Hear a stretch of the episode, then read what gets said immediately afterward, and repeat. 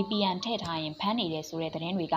အခုကာလမှာအတော့ကိုကြားနေရတဲ့သတင်းတစ်ခုပါ။ဘယ်နေရာမှာတော့အကြမ်းဖက်စစ်အုပ်စုလက်အောက်ခံတွေကဖုံးစစ်တယ်ဖုန်းထဲမှာ VPN ထည့်ထားရင်ငွေတောင်းတယ်ငွေမပေးရင်တရားစွဲတယ်ဆိုတဲ့ပြောဆိုရေးသားမှုတွေလည်းလူမှုကွန်ရက် Facebook ပေါ်မှာပြန့်နှံ့နေပါတယ်။ဇန်နဝါရီလ23ရက်နေ့စွဲနဲ့ဆက်သွယ်ရေးဝန်ဆောင်မှုပေးသူတွေကိုစိုက်ဘာလုံခြုံရေးဥပဒေကျမ်းနဲ့ပတ်သက်ပြီးသဘောထားမှတ်ချက်ပေးဖို့တောင်းခံတဲ့စာလူမှုကွန်ရက်ပေါ်မှာပြန့်နှံ့ခဲ့ပါတယ်။ ဒီသဘောထားမှတ်ချက်စာနဲ့အတူဥပဒေကျမ်းပါအချက်လက်တချို့လည်းပါရှိပါတယ်။ပြန့်နှံ့နေတဲ့စိုက်ဘာလုံခြုံရေးဥပဒေပုံမှန်90မှာမည်သူမဆိုဆက်သွယ်ရေးဥပဒေအရလိုင်စင်ရယူ၍ဝန်ဆောင်မှုပေးသည့်ကွန်ရက်ပေါ်တွင်ဝင်ကြီးဌာန၏ခွင့်ပြုချက်မရှိဘဲ Virtual Private Network VPN နည်းပညာသို့မဟုတ်အလားတူနည်းပညာအသုံးပြု၍ကွန်ရက်ထူထောင်ခြင်းအဆိုပါကွန်ရက်ကိုဝင်ရောက်ချိတ်ဆက်ခြင်းအသုံးပြုခြင်းပြုလုပ်ကြောင်း ပြစ်မှုထင်ရှားစီရင်ခြင်းခံရလျင် ထိုသူကိုအ ਨੇ ဆုံးတစ်နှစ်မှအများဆုံး၃နှစ်အထိထောင်ဒဏ်ဖြစ်စေကျပ်သိန်း90ထက်မပိုသောငွေဒဏ်ဖြစ်စေဒဏ်နှစ်ရလုံးဖြစ်စေချမှတ်ရမည်ဆိုပြီးပါရှိပါတယ်။ VPN သုံးရင်ဒဏ်ရိုက်မယ်ထောင်ချမယ်ဆိုတဲ့ဒီပြဋ္ဌာန်းချက်ကြောင့်လဲမြန်မာ netizen တွေကြားမှာဒီကိစ္စဟာပိုပြီးတော့ကြဲကြဲလောင်လောင်ထွက်လာသလိုအောက်ခြေမှာဖမ်းဆီးဒဏ်ရိုက်မှုတွေပြုလုပ်လာတဲ့ဆိုတဲ့သတင်းတွေလည်းထွက်လာခဲ့တာဖြစ်ပါတယ်။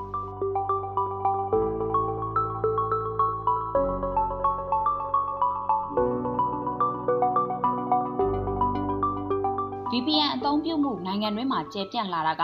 စစ်အုပ်စုရဲ့အင်တာနက်သုံးစွဲမှုဆိုင်ရာဖိနှိပ်ချုပ်ချယ်မှုတွေကြောင့်စတင်ခဲ့တာပါ။မင်းအောင်လှိုင်စစ်အုပ်စုကအာဏာသိမ်းပြီးနောက်ပိုင်းသူတို့ရဲ့အာဏာသိမ်းမှုလုပ်ရအပေါ်စန့်ကျင်ရေးသားဖြန့်ဖြူးမှုတွေကိုကန့်သက်ဖို့လှုံ့ဆော်ခဲ့ပါတယ်။ အာနာသိမ့်ပြီးရပိုင်းကြာမှာစတင်ခဲ့တဲ့ຫນွေဦးတော်လန်ရေးလူလူလှုပ်ရှားမှုဟာ Facebook လူမှုကွန်ရက်နဲ့အချင်းချင်းချိတ်ဆက်မှုကိုပိုအားကောင်းစေခြင်းသတင်းစည်းစိမ်မှုမြန်ဆန်ခြင်းအပြင်စေအုပ်စုထောက်ခံသူတွေကိုနာမည်နဲ့ပုံနဲ့တကွ social punishment လူလူပြစ်ဒဏ်ခတ်စည်ရင်းထက်ကြောညာခြင်းတွေကြောင့် Facebook အသုံးပြုမှုကိုရပ်တန့်သွားစေဖို့စေအုပ်စုကဖိအားပေးထိန်ချုပ်ခဲ့တာပဲဖြစ်ပါတယ်။ ဒါကြောင့်သတင်းစည်းကျင်းမှုမြန်ဆန်တဲ့အကြောင်းအရာစုံလင်တဲ့လူမှုကွန်ရက် Facebook သုံးလို့သူတွေဟာသူတို့ရဲ့အင်တာနက်သုံးစွဲမှုကိုခြေရာဖြောင့်နိုင်တဲ့ Virtual Private Network လို့ခေါ်တဲ့ VPN စနစ်ကိုကိုယ့်ရဲ့ Digital Device တွေမှာထည့်သွင်းသုံးစွဲခဲ့တာဖြစ်ပါတယ်။ ဒီလိုအင်တာနက် platform ကိုအသုံးပြုပြီးတိုက်ခိုက်ခံနေရမှုကိုကန့်သက်ဖိနှိပ်ဖို့အတွက်စစ်အုပ်စုဟာဖေဖော်ဝါရီလဆန်းပိုင်းမှာပဲစိုက်ဘာလုံခြုံရေးဥပဒေနဲ့ပတ်သက်ပြီးဆက်သွယ်ရေးဝန်ဆောင်မှုလုပ်ငန်းတွေစီသဘောထားမှတ်ချက်တောင်းခံစာတစ်စောင်ထွက်ပေါ်ခဲ့ပါသေးတယ်။ဒီဥပဒေကြမ်းမှာဒီမိုကရေစီနဲ့လူ့အခွင့်အရေးကိုစိုးစိုးဝါးဝါချိုးဖောက်ထားတဲ့အချက်တွေပါဝင်တာကြောင့်အရက်ဖက်အဖွဲ့အစည်း200ကျော်ကပြင်းပြင်းထန်ထန်စာထုတ်ကန့်ကွက်ခဲ့တာကြောင့်တပ်စခန်းရက်သွားခဲ့ပါသေးတယ်။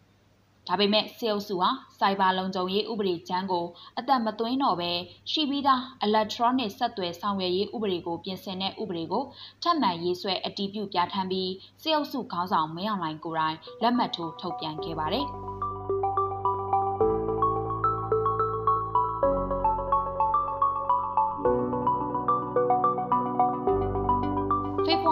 15ရက်နေ့စွဲနဲ့မင်းအောင်လှိုင်လက်မှတ်ထိုးပြဋ္ဌာန်းလိုက်တဲ့ဆက်သွယ်ရေးဥပဒေမှာလူမှုကွန်ရက်ပေါ်မှာ social punishment လောက်ခံနေရမှုကိုထိန်းချုပ်ဖို့အတွက်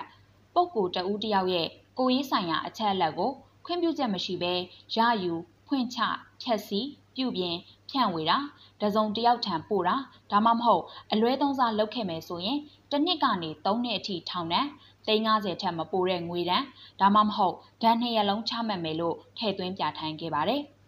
ဒါအပြင်စေအုပ်စုကသူတို့ဝေဖန်တိုက်ခိုက်ခံရမှုကိုရပ်တန့်ဖို့အတွက်အများပြည်သူထိတ်လန့်အောင်အယုံကြည်ပြတ်အောင်အကြည်ညိုပြတ်အောင်အသင်းဖွဲ့ကွဲအောင်သတင်းတုသတင်းမှာဖန်တီးပြုလုပ်ရင်တစ်နှစ်ကနေ၃နှစ်ထောင်ဒဏ်350ထက်မပိုတဲ့ငွေဒဏ်ဒါမှမဟုတ်ဒဏ်နှစ်ရလုံးချမှတ်မယ်ဆိုပြီးထည့်သွင်းထားပါတယ်။ နိုင်ငံတော်အချုပ်အခြာလုံခြုံရေးတည်ငြိမ်အေဂျင့်ရေးတရားဥပဒေစိုးမိုးရေးနဲ့တိုင်းရင်းသားစည်းလုံးညီညွတ်ရေးကိုချိန်ချောက်နှောက်ယှက်ဖျက်ဆီးဖို့ရည်ရွယ်ချက်နဲ့စိုက်ဘာအရင်းမြစ်တွေကိုရယူပိုင်ဆိုင်ခွင့်မရအောင်လှုံ့ဆော်ရင်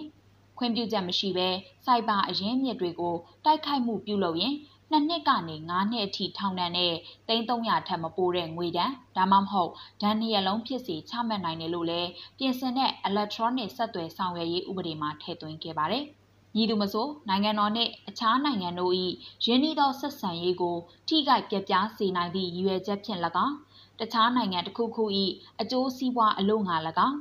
နိုင်ငံတော်နှင့်အခြားနိုင်ငံများအကြားပူးပေါင်းဆောင်ရွက်နေသော လုံခြုံရေးအရလှုပ်ဝက်ထားသည့်စိုက်ဘာအရင်းအမြစ်ကိုခွင့်ပြုချက်မရှိဘဲထိုးဖောက်ဝင်ရောက်ရန်ကြိုးစားခြင်းသို့မဟုတ် ခွင့်ပြုထားသည့်ထက်ပို၍အသုံးပြုခြင်းဖြင့်စိုက်ဘာတိုက်ခိုက်မှုကိုကျူးလွန်ကြောင်းပြစ်မှုထင်ရှားစီရင်ခြင်းခံရလျင်ထိုသူကိုအ ਨੇ ဆုံး3နှစ်မှ အများဆုံး9နှစ်အထိထောင်ဒဏ်ဖြစ်စေကျပ်သိန်း900ထက်မပိုသောငွေဒဏ်ဖြစ်စေဒဏ်နှစ်ရလုံးဖြစ်စေချမှတ်ရမည်လို့လည်းပြင်းထန်စွာဒဏ်တက်နိုင်တဲ့ပုံမှားတွေကိုထည့်သွင်းခဲ့ပါတယ်။ နွေဦးတော်လှန်ရေးကာလမှာစေအုပ်စုကသူတို့ပြင်ဆင်ပြဋ္ဌာန်းလိုက်တဲ့ဆက်သွယ်ဆောင်ရွက်ရေးဥပဒေနဲ့ဖမ်းဆီးတရားစွဲထောင်ချမှုတွေကိုလည်းလုပ်ခဲ့ပါတယ်။ဒါပေမဲ့လူမှုကွန်ရက်ကိုအခြေခံတဲ့စေအုပ်စုစန့်ကျင်ရေးလှုပ်ရှားမှုနဲ့ရေးသားမှုတွေကတော့နွေဦးတော်လှန်ရေးတစ်နှစ်ကြာလာတဲ့အထိစိတ်သုံးမသွားခဲ့သလိုပိုလို့တောင်အားကောင်းခဲ့ပါတယ်။ နေ့စဉ်နဲ့အမျှနိုင်ငံတော်ဝန်မှာစေအုပ်စုလောက်ခံတရင်တပ်ဖွဲ့တွေရဲ့အကြမ်းဖက်မှုသတင်းတွေဟာလူမှုကွန်ရက်တွေကတဆင့်ကဘာပတ်နေသလိုစေအုပ်စုအတွင်းရေးတွေဟာလည်းတစားတက်တစားပို့ပို့ပြီးတော့ထွက်ရှိလာခဲ့ပါတယ်။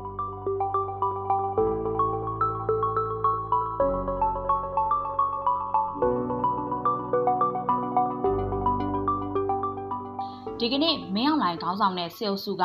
လူမှုကွန်ရက်အသုံးပြုမှုကိုကန့်သက်ချင်တာဟာဘာကြောင့်ပါလဲစေအုပ်စုထောက်ခံသူတွေသတင်းသမားအမိခံအသားတွေကလောက်ထွက်တဲ့လူတွေနဲ့ပြည်သူဗန္နာအမြောက်များသုံးပြီးလူမှုကွန်ရက်ပေါ်ဝါဒဖြန့်မှုမအောင်မြင်တာနဲ့တော်လန်ရေးအင်အားစုတွေဘက်ကတံပြန်ရေးသားတိုက်ခိုက်မှုတွေဟာစေအုပ်စုအတွက်အထိနာပြီးရင်နာစီတာကြောင့်ဖြစ်ပါတယ်။လူမှုကွန်ရက်အခြေပြုဝါဒဖြန့်တိုက်ပွဲမှာစေအုပ်စုနဲ့ သူ့ဘတ်တော်သားတွေအဆက်တကွဲအကျိုးနဲ့ဖြစ်ရတာကိုကာကွယ်ဖို့ဖြစ်ပါတယ်။အဲ့ဒီနီတူအောက်ခြေမှာလည်းအသက်မရှိတဲ့ဥပဒေပါအချက်တွေကိုသုံးပြီးမြေပြင်ကစေအုပ်စုလောက်ခံတရင်တပ်ဖွဲ့တွေကဖမ်းမယ်စီးမယ်ထောင်ချမယ်ဆိုတဲ့၆လုံးတွေနဲ့ငွေရှာစားဖို့ဝင်ကိုဖန်တီးနေကြပါတယ်။